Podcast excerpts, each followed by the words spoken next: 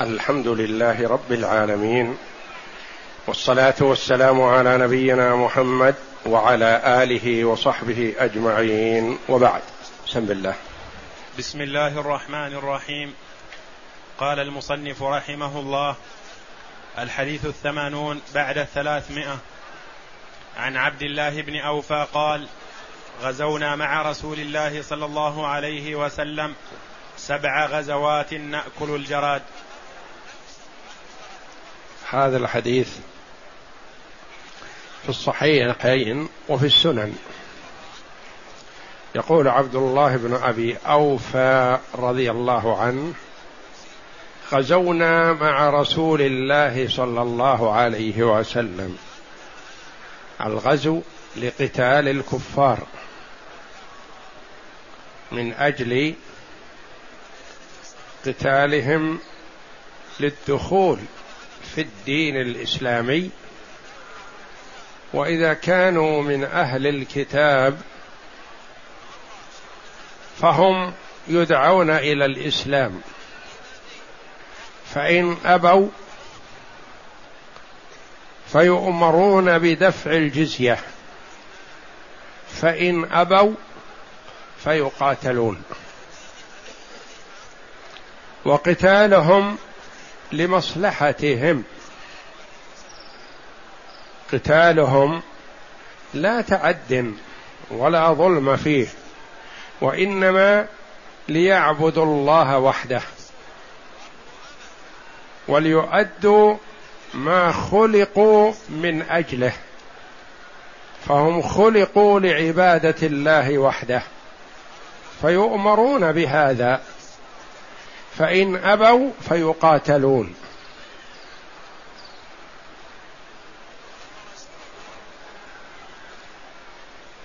وقد جاء يعجب ربنا من قوم يقادون إلى الجنة بالسلاسل. يعني يقاتلون ويؤسرون ويرغمون على الإسلام من أجل أن يدخلوا الجنة.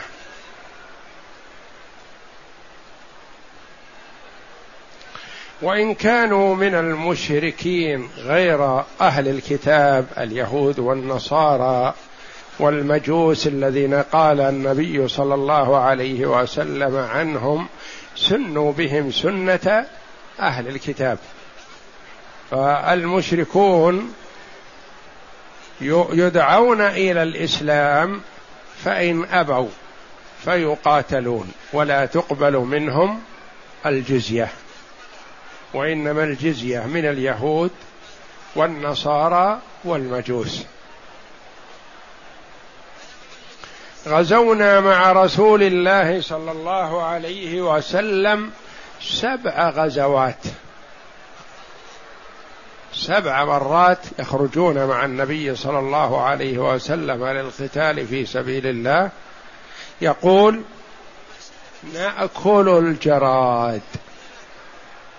الحديث دل على حل أكل الجراد وأنه حلال.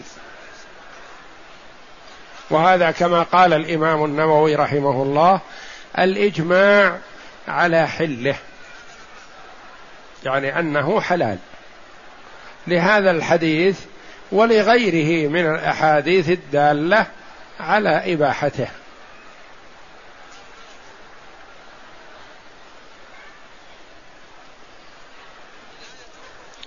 والجراد حلال ولو مات حتف أنفه ولو مات في الكيس أو في الحظيرة أو في الحفرة فهو حلال. وجمهور العلماء على أنه حلال على أي صفة مات. لقوله صلى الله عليه وسلم أحل لنا ميتتان ودمان. الجراد والحوت والطحال والكبد. الجراد والحوت والسمك على أي صفة مات فهو حلال.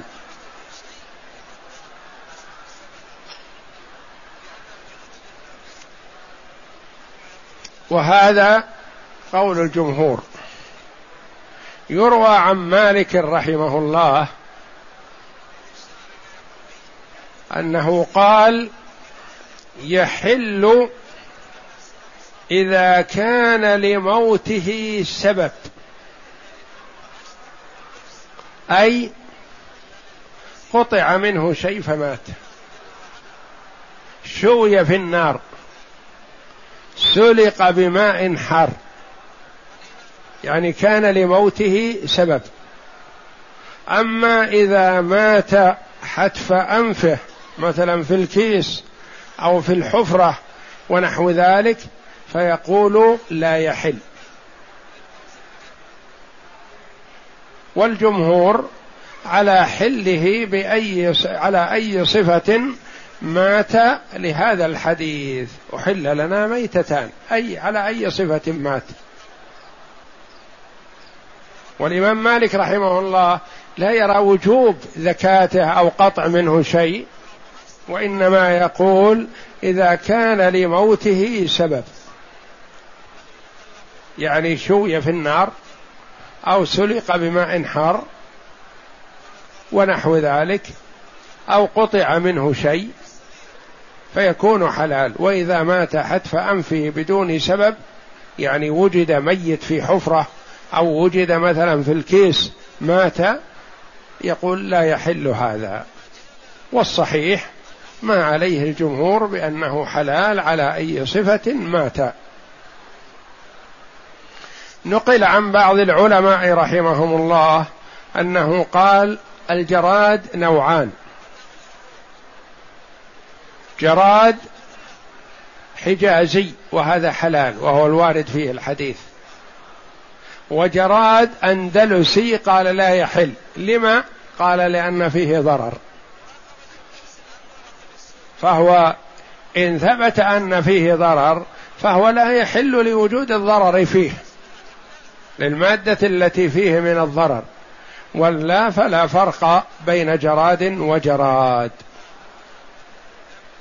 قيل في تسمية الجراد جراد لأنه إذا تسلط على شيء جرده. فهو إذا دخل المزرعة لم يخرج منها إلا وقد أفناها أكل ما فيها من أخضر ويابس. فهو يجرد ما يوق...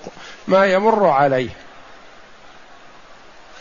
وفي خلق الجراد عجائب سبحان الله العظيم. يقال اجتمع في خلق الجرادة أشباه عشر حيوانات.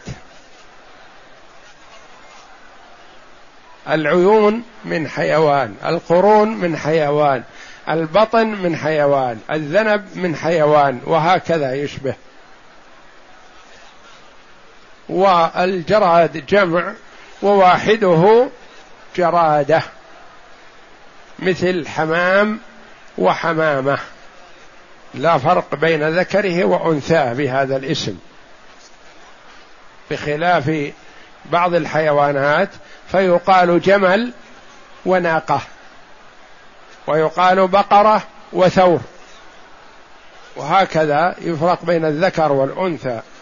أما الجراد جمع جرادة وهو يطلق على الذكر والأنثى.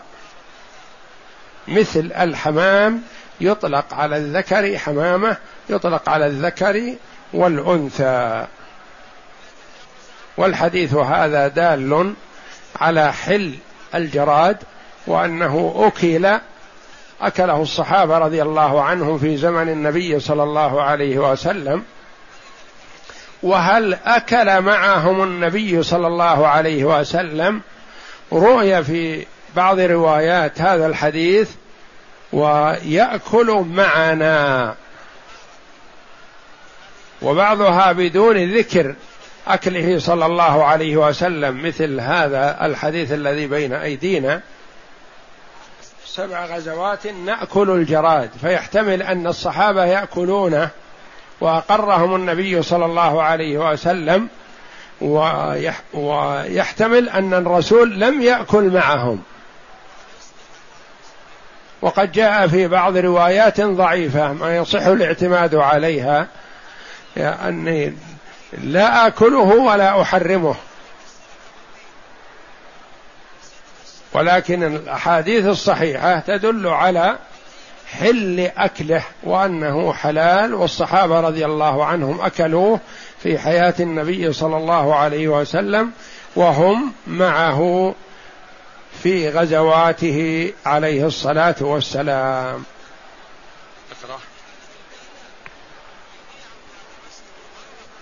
ما يستفاد من الحديث اولا فيه دليل على حل أكل الجراد. قال النووي رحمه الله وهو إجماع. ذكر هذا في شرحه لصحيح مسلم رحمه الله. واختلف في الجراد أهو صيد بري أم بحري. جاء في بعض الأحاديث أنه نثرة حوت. والجمهور على أنه بري فإذا صاده المحرم فعليه فديته. ويروى عن بعض العلماء قال إنه بحري ولا فدية فيه إذا قتله المحرم أو صاده. نعم. نعم. ثانيا وهو حلال بأي سبب صار موته. هذا قول الجمهور. بأي سبب صار موته. حتى لو مات حتف أنفه بدون سبب. نعم. لأن النبي صلى الله عليه وسلم قال أحلت لنا ميتتان ودمان. فأما الميتتان فالجرد والسم فالجراد والسمك وأما الدمان فالكبد والطحال. والله أعلم وصلى الله وسلم وبارك على عبده ورسول نبينا محمد وعلى آله وصحبه أجمعين.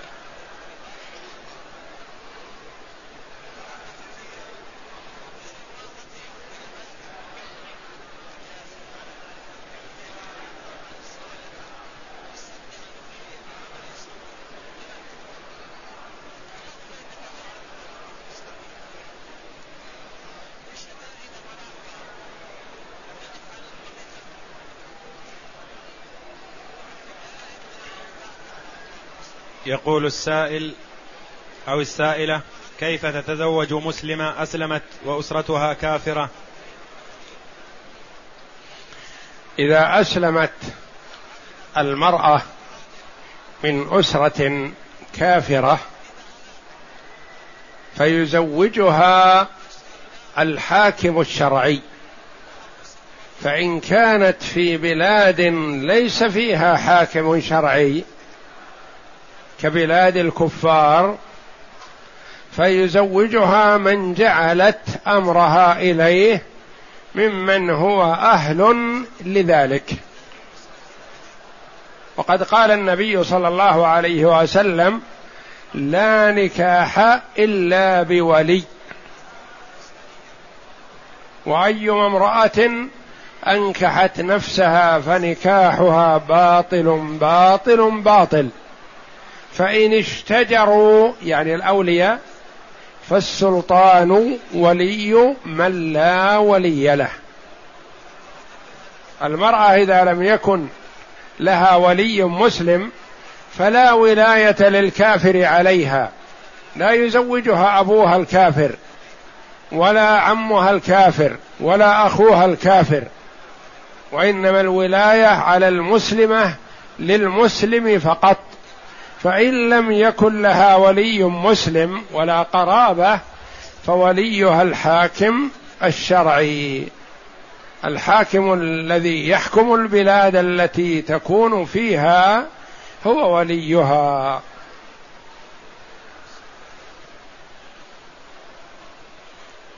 يقول هل يجوز تكرار العمرة لغير أهل مكة؟ تكرار العمرة جائز. لكن ليس المراد التكرار أنك تؤدي اليوم عمرة ثم تخرج غدا لتأتي بعمرة وهكذا. هذا ما كان من هدي السلف. وإنما إذا أديت العمرة ثم سافرت إلى المدينة لزيارة المسجد النبوي أو سافرت إلى جدة لغرض من الأغراض أو سافرت إلى الطائف أو لأي بلد من البلدان ورغبت في العودة إلى مكة فإنك تعود إليها بعمرة عن نفسك أو عن من شئت إذا رغبت ذلك. ولا يلزمك لكن إذا رغبت ما نقول ممنوع تكرار العمرة لا. تكرر العمرة لكن لا تخرج من مكة لتأتي بعمرة وقد أتيت بعمرة قبل أيام قليلة.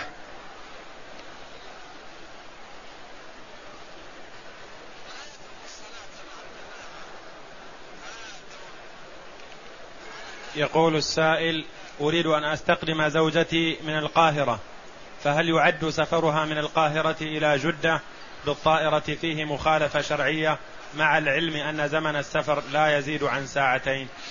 لا شك أن السفر من القاهرة إلى جدة سفر بعيد والمرأة فيه تحتاج إلى محرم.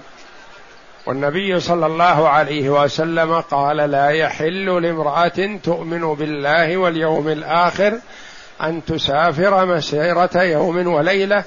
وفي رواية ثلاثة أيام بلياليها إلا مع ذي محرم. فلا تسافر المرأة إلا مع محرم. وبصرف النظر عن وسيلة النقل أنها قد تستغرق الرحلة ساعة أو ساعتين أو أقل أو أكثر قد تنزل في غير المطار المهيأ للنزول فيه. وقد يتأخر وصولها لسبب من الأسباب. فالمرأة تحتاج إلى من يقوم عليها ويرعاها. ويحافظ عليها لأنها عورة ومطمع للصوص وهي سريعة التأثر قد تغرر ويغرر بها فإذا كان معها محرمها حفظها.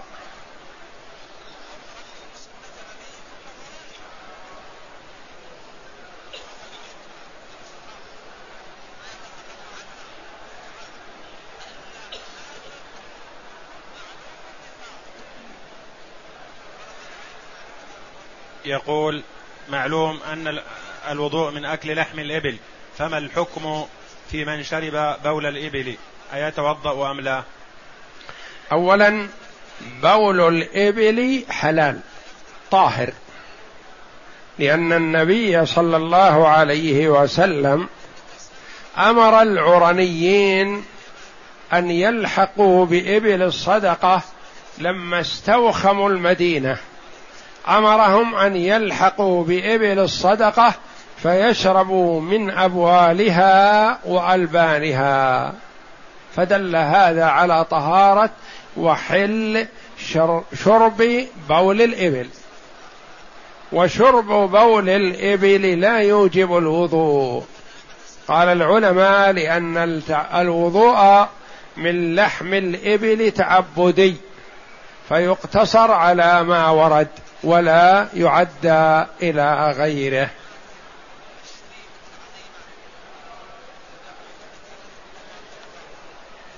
يقول السائل ما حكم صبغ شعر الرأس بألوان مختلفة لإخفاء الشيب؟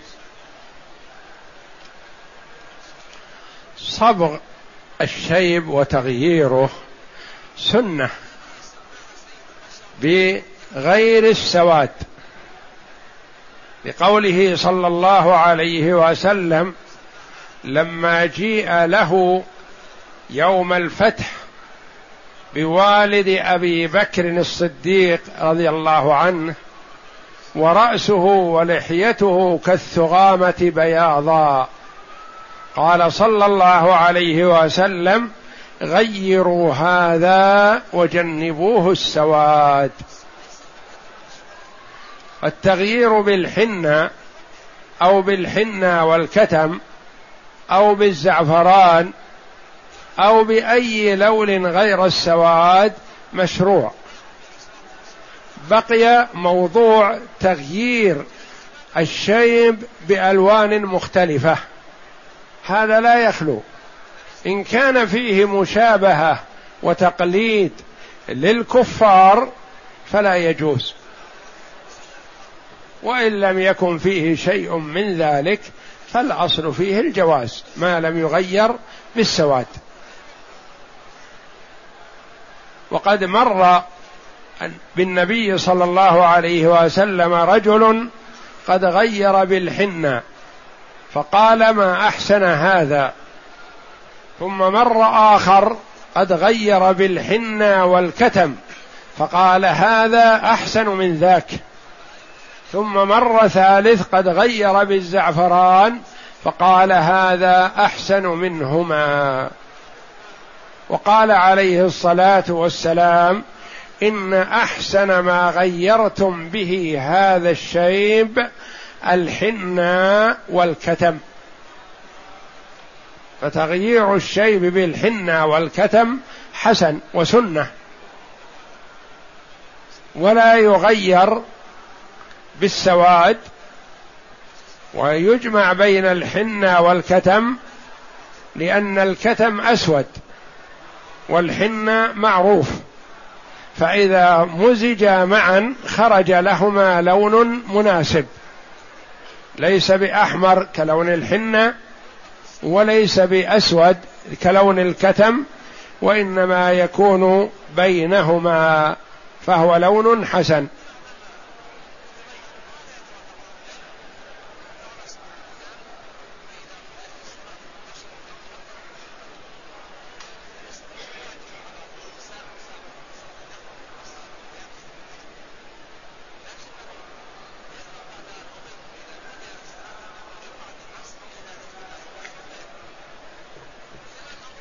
يقول السائل اتخذت سترة في الدور العلوي من المسجد الحرام ومع ذلك مرت امرأة بالغة بين يدي ولم أمنعها خشية الفتنة فما الحكم؟ لا يجوز المرور بين يدي المصلي أو بين المصلي وسترته ومن أراد أن يمر فيمنع. هذا في عموم الأماكن سوى البلد الحرام سوى مكة. فيرى بعض العلماء أنها لا تجب السترة في مكة. وبعض العلماء رحمهم الله يعمم سائر البقاع. فالمسألة فيها خلاف بالنسبة لمكة خاصة. لأنه ورد أن النبي صلى الله عليه وسلم كان يصلي حول الكعبة وكان الطائفون يمرون بين يديه فلم يكن يمنعهم. وجاء عن عبد الله بن الزبير رضي الله عنه أنه كان يصلي حول الكعبة وكانت المرأة تريد أن تمر فيدعها تمر فإذا مرت ورفعت قدمها وضع جبهته في موطئ قدمها رضي الله عنه. فالمسألة بالنسبة للمرور في مكة محل خلاف. والأولى للإنسان عند المرور أن يتحاشى المرور بين يدي المصلي إلا إذا اضطر إلى ذلك. فإذا اضطر فلعله يمر ولا حرج عليه. وأما بالنسبة للمصلي فلا يحسن أن يمنع من أراد أن يمر في مكة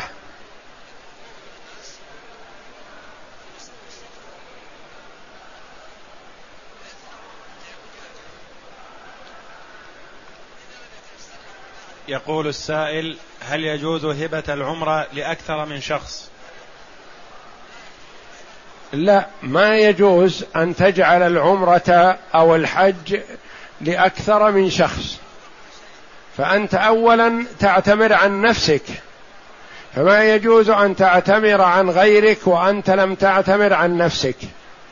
ولا يجوز أن تحج عن غيرك وأنت لم تحج عن نفسك. فاولا تبدأ بنفسك. فإذا حججت عن نفسك حجة الإسلام واعتمرت عن نفسك عمرة الإسلام فلك أن تعتمر عن غيرك. لكن لا يصح أن تعتمر عمره عن أبيك وأمك أو عن أبيك وجدك أو عن أمك وجدتك وإنما تكون العمرة عن واحد. وكذلك الحج يكون عن واحد. وإذا اعتمرت عن الغير فتعتمر عن الميت متى شئت. وأما الحي فلا يجوز أن تعتمر عنه أو تحج عنه إلا بشرطين. الأول أن يعلم عنك قبل أن تحرم ويأذن لك في ذلك. لأن هذا العمل يحتاج إلى نية. الثاني أن يكون غير قادر على الوصول إلى مكة فتعتمر عنه.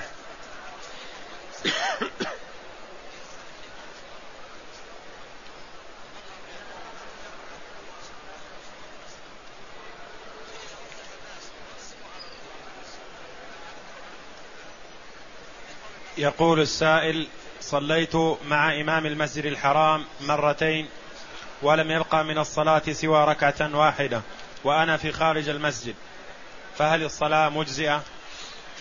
الصلاة صحيحة إن شاء الله لكن ما يحسن أن تتعجل وتصلي خارج المسجد وإنما تتقدم حتى ينتهي بك الصف فتصلي مع الإمام ما أدركته من الصلاة.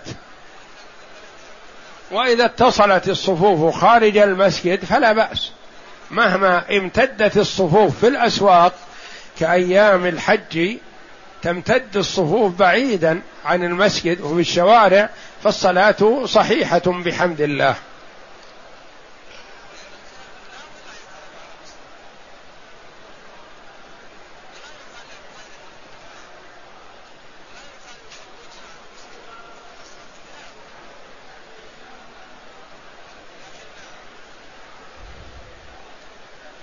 يقول السائل أصابتني بعض الابتلاءات فهل كل ابتلاء بسبب الذنوب؟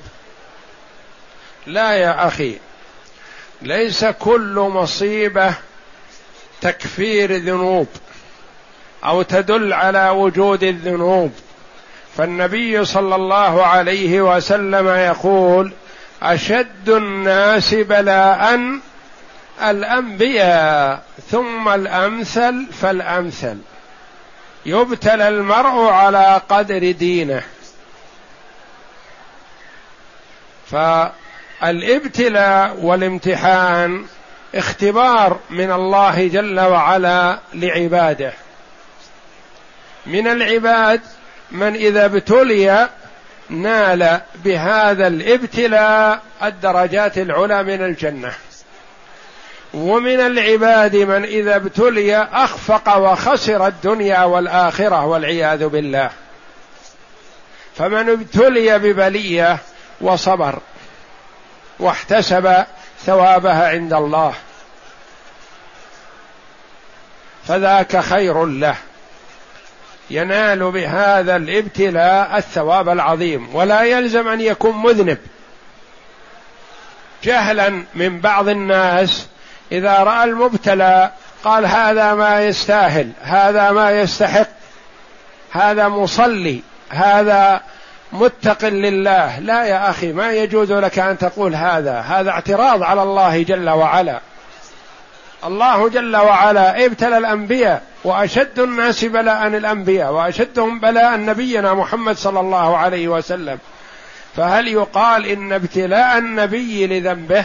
لا هو معصوم من الذنوب. وكلما كان المرء في دينه صلابة فالله جل وعلا يبتليه أكثر. فقد يكون الابتلاء خير للعبد وسعادة له في الآخرة. يكون له منزلة في الدار الآخرة ما ينالها بعمله. فيصب الله جل وعلا عليه البلاء في الدنيا فيصبر فينال هذه الدرجة العالية. ومن الناس من إذا ابتلي تسخط واعترض على الله وأظهر الجزع والخور والاعتراض على ربه تبارك وتعالى فهذا تناله المصيبة ويخسر الثواب. ولا يتصور العبد أن كل بلية كانت بسبب معصية لا. قد تكون بسبب معصية وقد تكون لرفعة شأن العبد في الدار الآخرة. لأن الله جل وعلا يعلم منه أنه يصبر ويحتسب فيصب عليه البلاء لينال الدرجة العالية الرفيعة من الجنة. منذ ستة أشهر ولكن لم تقصر من شعرها فماذا عليها؟ عليها فدية ترك الواجب لأن التقصير للمرأة والحلق أو التقصير للرجل نسك. واجب من واجبات الحج واجب من واجبات العمرة. فإذا لم يفعله المرء وجب عليه هدي يجبر ذلك. فإن لم يستطع الهدي صام عشرة أيام. إن استطاع الهدي فهو الواجب. شاة تذبح في مكة لفقراء الحرم. فإن لم يستطع الهدي صام عشرة أيام في أي مكان. فالهدي يكون في مكة والصيام في أي بلد كان.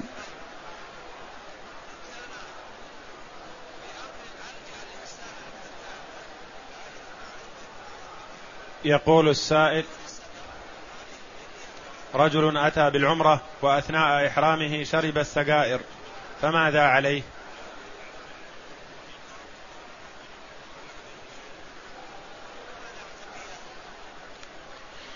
يقول رجل أتى بالعمرة وأثناء إحرامه شرب السجاير فماذا عليه؟ أولا الدخان محرم. لماذا؟ لأنه خبيث. ولأنه ضار. وما كان ضارا فهو محرم. وما كان خبيث فهو محرم. والدخان جمع الخبث والضرر. لو أن المرأة أكل التراب هل يباح له؟ لا يحرم عليه. والتراب هل يقال إنه خبيث؟ لا. والله جل وعلا يقول فتيمموا صعيدا طيبا. لكنه ضار. فيه ضرر. اللي يأكل التراب يضره يهلكه. فلا يجوز له ذلك. أكل شيئا خبيث. يحرم عليه ذلك. والدخان جمع الضرر والخبث. فهو يضر بالبدن ويتلف المال ويثقل العبادة على المرء. ولا يرغب صاحبه في مجالسة الأخيار غالبا. ويضر من قرب منه. ضرره ليس مقتصر على نفسه على مستعمله وإنما يتعدى إلى ذريته. فيضرهم. ويتعدى إلى من قرب منه. فكثير من الناس إذا قرب منه المدخن أساء إليه وأتعبه في الزكام وأوجاع الرأس ونحو ذلك. بسبب ما يشمه من الرائحه الخبيثة التي قد لا يدركها مستعمل الدخان. فهو خبيث ولا يجوز للمسلم أن يستعمله ولا أن يتاجر فيه ولا أن يبيعه ولا أن يشتريه. ولا أن ينقله لغيره فهو ضار وخبيث. لكن إذا أحرم واستعمله فإحرامه صحيح. ولا يقال إنه يلزمه فدية لهذا لكن على المسلم أن ينقذ نفسه مما يضره ويحاول منع نفسه منه وإن لم يتيسر له المنع دفعة واحدة فليكن تدريجيا. وأكبر معين على ترك الدخان الإقبال على الله جل وعلا والدعاء والتضرع إلى الله جل وعلا ثم الصيام لأن الصائم يمتنع عن الدخان من طلوع الفجر إلى غروب الشمس. فحري به أن يمتنع عنه بقية يومه في الليل يمتنع عنه. ولا يشق عليه ذلك مع الصيام بإذن الله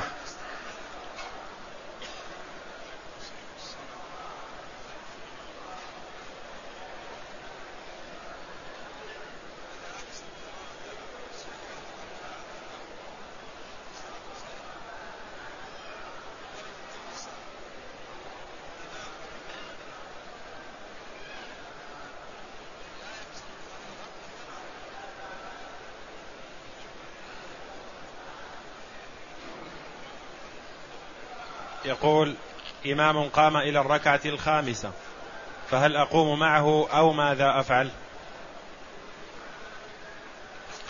أولا إذا قام الإمام لخامسة في الظهر أو العصر أو العشاء فينبهه من خلفه.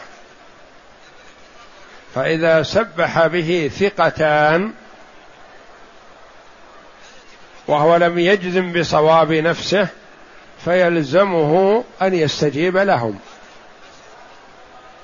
فإن كان واثق من صواب نفسه فلا يلزمه أن يستجيب لهم. ثم هذا الذي سبح به أو غيره إذا كان يجزم بأن هذه خامسة فلا يتابعه. وإنما ينوي الانفراد عنه أو ينتظره في التشهد. وبالخيار بين أن يجلس في التشهد وينتظر الإمام إذا جاء يسلم معه أو ينوي الانفراد عن الإمام ويسلم ولا يتابعه في الخامسة. ولا يجوز للمأموم أن يتابع الإمام في الخامسة إذا كان يجزم بأنها خامسة. يعني لا شك عنده. أما إذا كان في حالة شك فيجب عليه أن يتابع الإمام.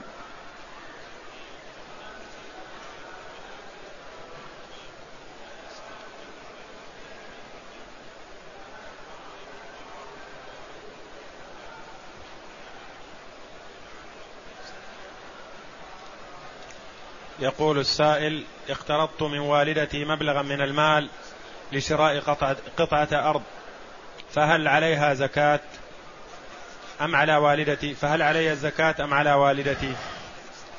أما بالنسبة لك أنت فليس عليك زكاة.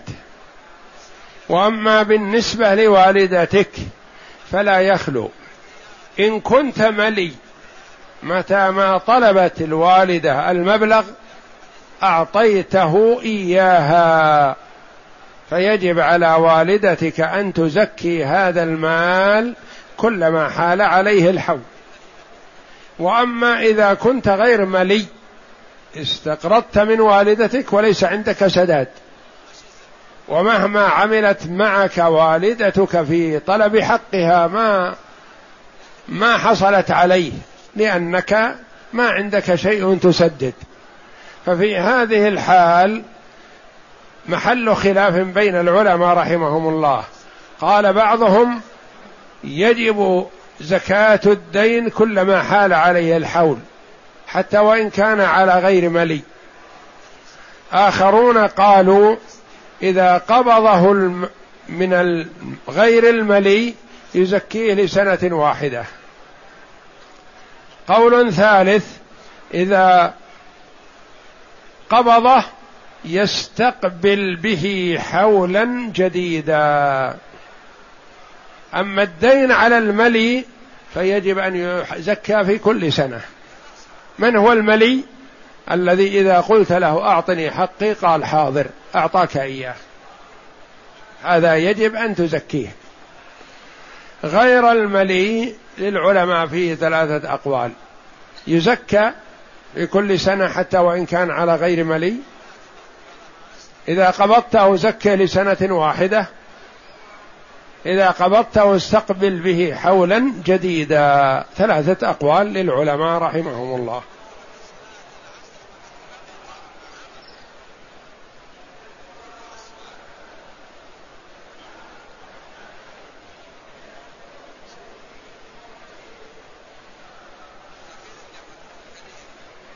يقول ما حكم العمرة الثانية عن المتوفى؟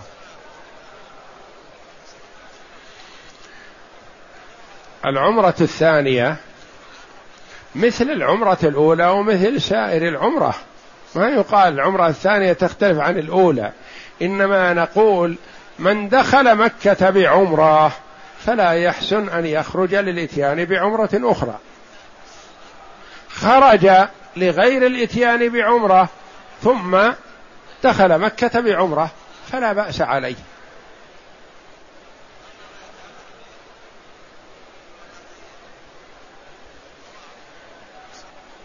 يقول ما حكم الغناء في الأفراح بالنسبة للنساء؟ ورد إباحة ضرب بالدف في الأفراح في الزواج لإعلانه ليعلن النكاح وليقال فلان يتزوج فلانة حتى من كان عنده شيء من علم يخفى على الناس يبينه. احتمال أن يوجد رضاع أو قرابة لا يعلم عنها فيبين فإعلان النكاح مستحب.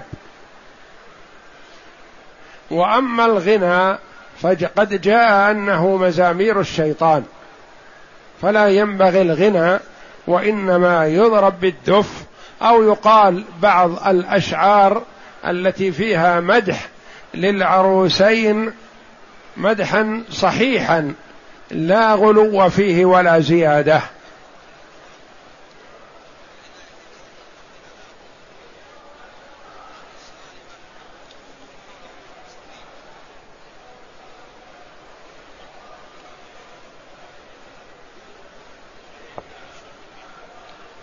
يقول السائل ما الفرق بين بيع السلم وبيع الإنسان ما ليس عنده؟ بينهما فروق. ويظهر هذا بشروط صحة السلم. لأن البيع له شروط والسلم له شروط زائدة على شروط البيع. فإذا توفرت شروط صحة البيع وشروط صحة السلم صح السلم وإلا فلا.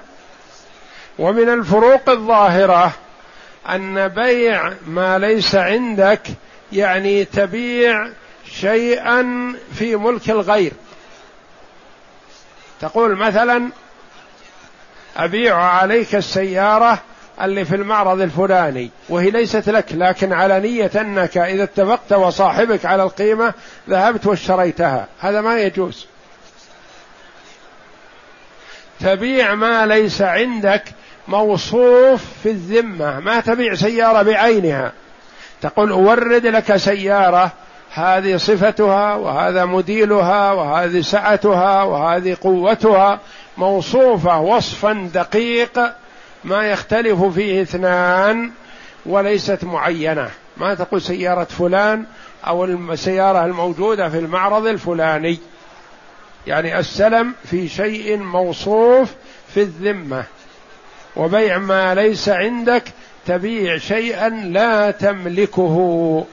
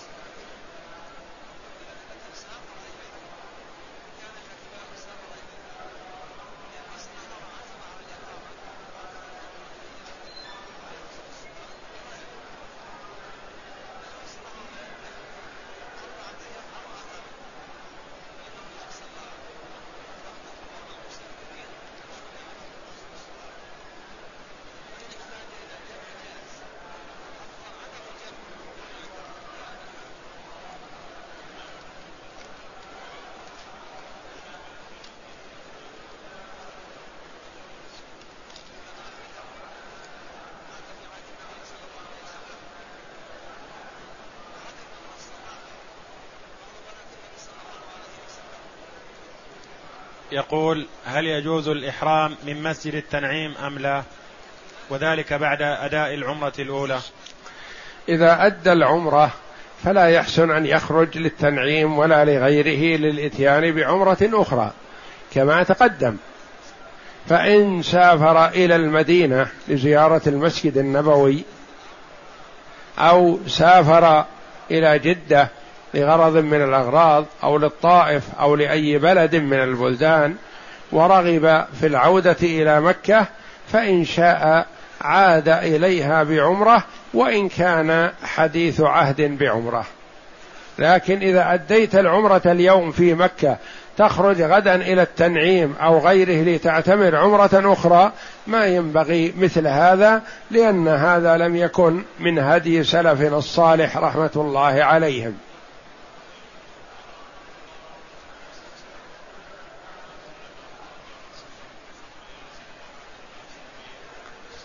يقول السائل رجل يريد الحج هل يأخذ العامل معه؟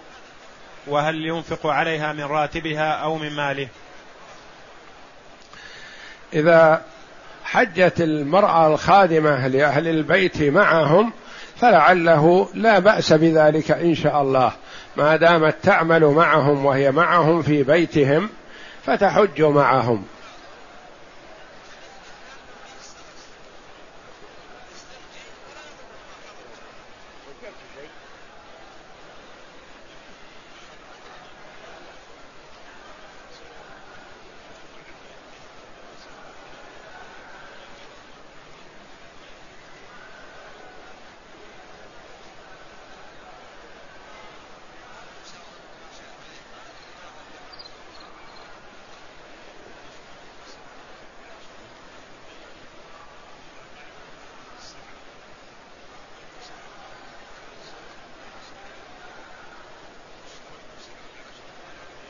يقول ما حكم امرأة كانت حامل لا تعلم إن كان حملها حوالي خمسين يوما وقد نوت العمرة وقبل النية سقط الجنين هل تكمل العمرة أم لا؟ إذا أسقطت المرأة بعد حملها فلا يخلو من أحوال. إن كان الإسقاط قبل ثمانين يوما فليس لها حكم النفساء والساقط منها ليس له حكم الأموات لأنه لا شيء دم. وإن كانت بعد الثمانين يوما إلى مائة وعشرين يوما فالأم لها حكم النفساء. تسقط عنها الصلاة ولا تصوم وتقضي الصيام ولا تقضي الصلاة. وإن كان الإسقاط بعد مئة وعشرين يوما وبعد أن يحترك الجنين في بطنها فللساقط حكم الأموات يغسل ويصلى عليه ويدفن في مقابر المسلمين وإن كان شيئا يسيرا وإن كان بقدر الكف أو أقل. ثلاثة أحوال. قبل الثمانين يوما دم. وليس له حكم الأموات ولا لأمه حكم النفساء وإنما تصلي. وتصوم إذا كانت في رمضان إلا إذا شق عليها الصيام فتفطر لمرضها لا من أجل الدم لأن هذا الدم ما يمنع من الصلاة. لأنه لا يمنع الدم من الصلاة إلا دم الحيض ودم النفاس فقط وهذه ليس لها حكم النفاس. فتصلي وتصوم مع هذا السقط الذي دون الثمانين يوما. فإن كان فوق الثمانين يوما فهذا غالبا يكون قد تبين في خلق إنسان. انتقل إلى الطور الثالث. أربعون يوما نطفة أربعون يوما علقة أربعون يوما مضغة. يكون في الأربعين اليوم الأخيرة الثالثة يكون مضغة والمضغة غالبا ما يكون تبين فيها خلق إنسان تتبين اليد من الرجل من الرأس وهكذا. فهذا لأمه أحكام النفاس وليس له هو أحكام الأموات لأنه لم ينفخ فيه الروح. بعد المئة والعشرين يوما غالبا يكون نفخ فيه الروح. فيكون له حكم الأموات ولأمه أحكام النفساء. فهذه التي أسقطت في حدود الخمسين يوما ما تمتنع عن الصلاة ولا عن الصيام إذا شاءت ولا عن الطواف إذا شاءت. وتؤدي العمرة تتخذ وقاية تمنع نزول الدم وتطوف لأن هذا الدم ليس بدم نفاس وإنما هو دم فساد لا تترك له الصلاة. فتتخذ وقاية تمنع نزول الدم وتطوف وتسعى وتؤدي عمرتها.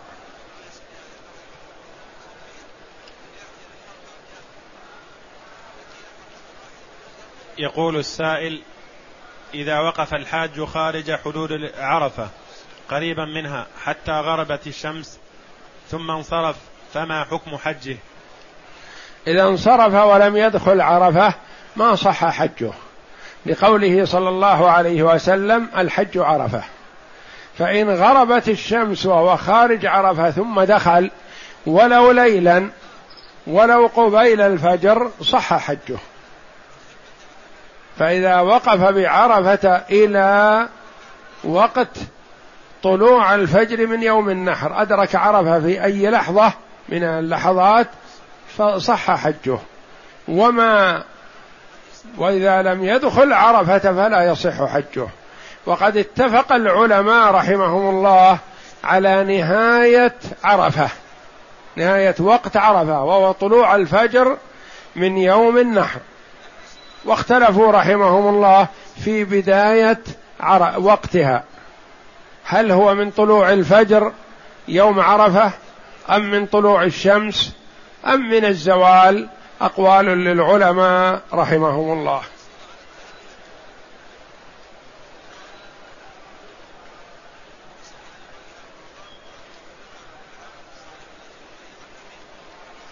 يقول السائل هل تحية المسجد الحرام الطواف فقط بالنسبة لغير المحرم؟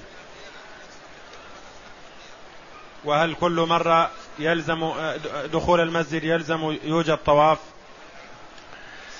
تحية المسجد الحرام والكعبة الطواف فيستحب هذا فإن لم يطف فلا يجلس حتى يصلي ركعتين. ولا يتعين عليه الطواف كلما دخل فإن طاف فحسن وإن لم يطف فلا بأس عليه وإنما لا يجلس حتى يصلي ركعتين.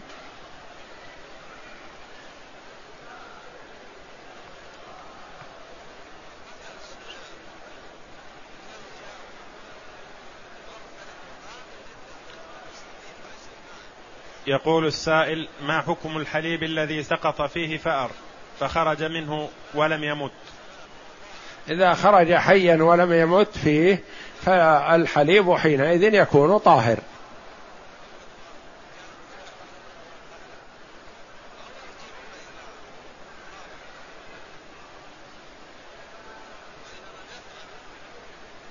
يقول السائل أتى من بلده وأدى عمرة بإحرامه؟ ثم سمع أنه يجوز الإحرام من مسجد عائشة والإتيان بعمرة أخرى. أقول من دخل مكة بعمرة فلا يحسن أن يخرج للإتيان بعمرة أخرى. فإن خرج وأحرم وجب عليه أن يتمها. فلا يجوز للمرء أن يدخل في نسك ويتركه. لقوله تعالى وأتموا الحج والعمرة لله.